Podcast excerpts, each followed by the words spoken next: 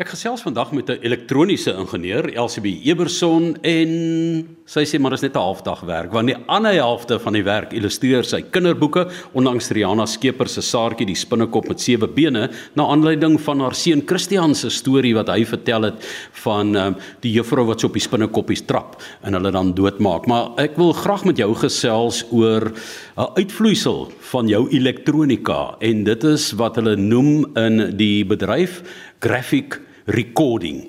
En uh, baie mense sal die ou konsep van mind mapping onthou. Jy weet waar jy so uh, op 'n op 'n wit bord skryf jy hierdie goed neer en so. Maar dit is 'n konsep uh, waarby jy selfs by die Afrika Unie beland het. Ja, daar's verskeie name van graphic recording. Party mense noem hulle self graphic recorders of visual practitioners of sketchnoting. Um en soms is dit graphical facilitation en elkeen van daai woorde omskryf die proses op 'n ander manier, maar wat dit basies op neerkom is dat 'n mens vooraf of lewendig tydens 'n konferensie of soms na die tyd 'n grafiese illustrasie skep van wat gebeur wat 'n persoon 'n voorlegging gee. So jy gebruik illustrasies as ook woorde en tipografie om 'n PowerPoint presentation byvoorbeeld meer interessant en kortliks op te som op iets wat vertoon word. Is dit anders as 'n PowerPoint? Dit is heelwat anders as 'n PowerPoint. Gewoonlik gebruik mens een skoon bladsy, 'n baie groot bladsy, sou jy werk op werklike papier, want dit is gewoonlik lewendig wat mens groot skets terwyl dit gebeur en iemand aanskou wat jy skets terwyl 'n persoon voorpraat of jy doen dit digitaal op 'n iPad of daar's ander toestelle ook. Ek gebruik 'n iPad en dit word dan vertoon op 'n skerm wat jy skryf of teken terwyl dit plaasvind. Ek weet of jy jou studente daar kan onthou die donkie sleutels wat 'n mens gemaak om goed te onthou. Jy weet met jy 'n kodewoord en daar uitkom jou sê net maar jou hele omtrent ehm um, vraag wat jy moet beantwoord, jou lang vraag om dit te kan onthou. Hier voeg jy visuele teks by, maar dis seker baie belangrik ehm um, byvoorbeeld, ek het nou na die voorbeeld verwys van die Afrika Unie wat jy gedoen het, drie sprekers wat dan hulle siening op verskillende maniere uitbeeld hoe meer inligting mens vooraf het vir 'n um iets wat jy gaan bywoon, hoe beter want dit laat jou toe om goed voor te berei en om so lank visuele idees te kan voorberei waarmee jy reg is. Um sekere sleutelwoorde waarvoor mense uitkyk wat jy gewoonlik 'n ikoon in jou kop het. As iemand sê key um ideas of worldwide of enige sulke tipe goed het mens naderhand amper 'n visuele woordeboek in jou geheue wat jy sommer net so kan vertoon en jy jy sal eerder 'n ikoon teken en dan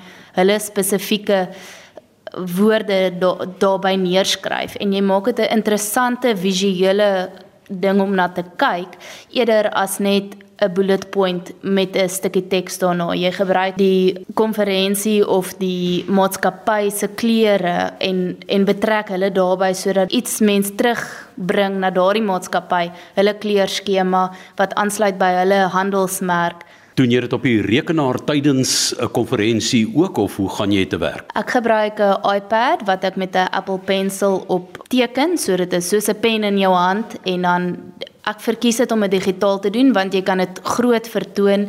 Dis makliker om dit na die tyd te stuur. Dit bly behoue, dit word deel van bemarkingsmateriaal.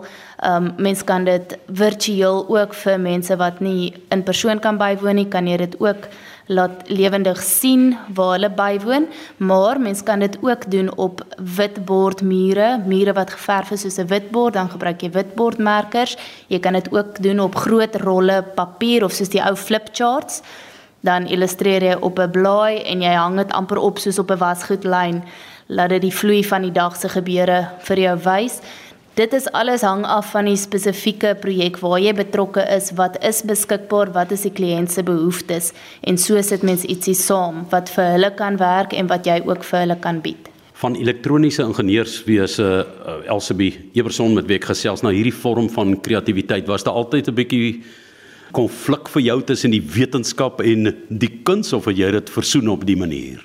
Vir my, ek het nog altyd um gehou van kreatief wees en kreatiewe stokperdjies bybring, maar toe ek eers begin het om te illustreer en dit as 'n besigheid te sien, moes mens meer hoe kan ek amper sê ja, ek wil nie sê logies nie, maar bietjie terug staan en kyk na illustrasie as 'n besigheid en nie net 'n stokperdjie nie.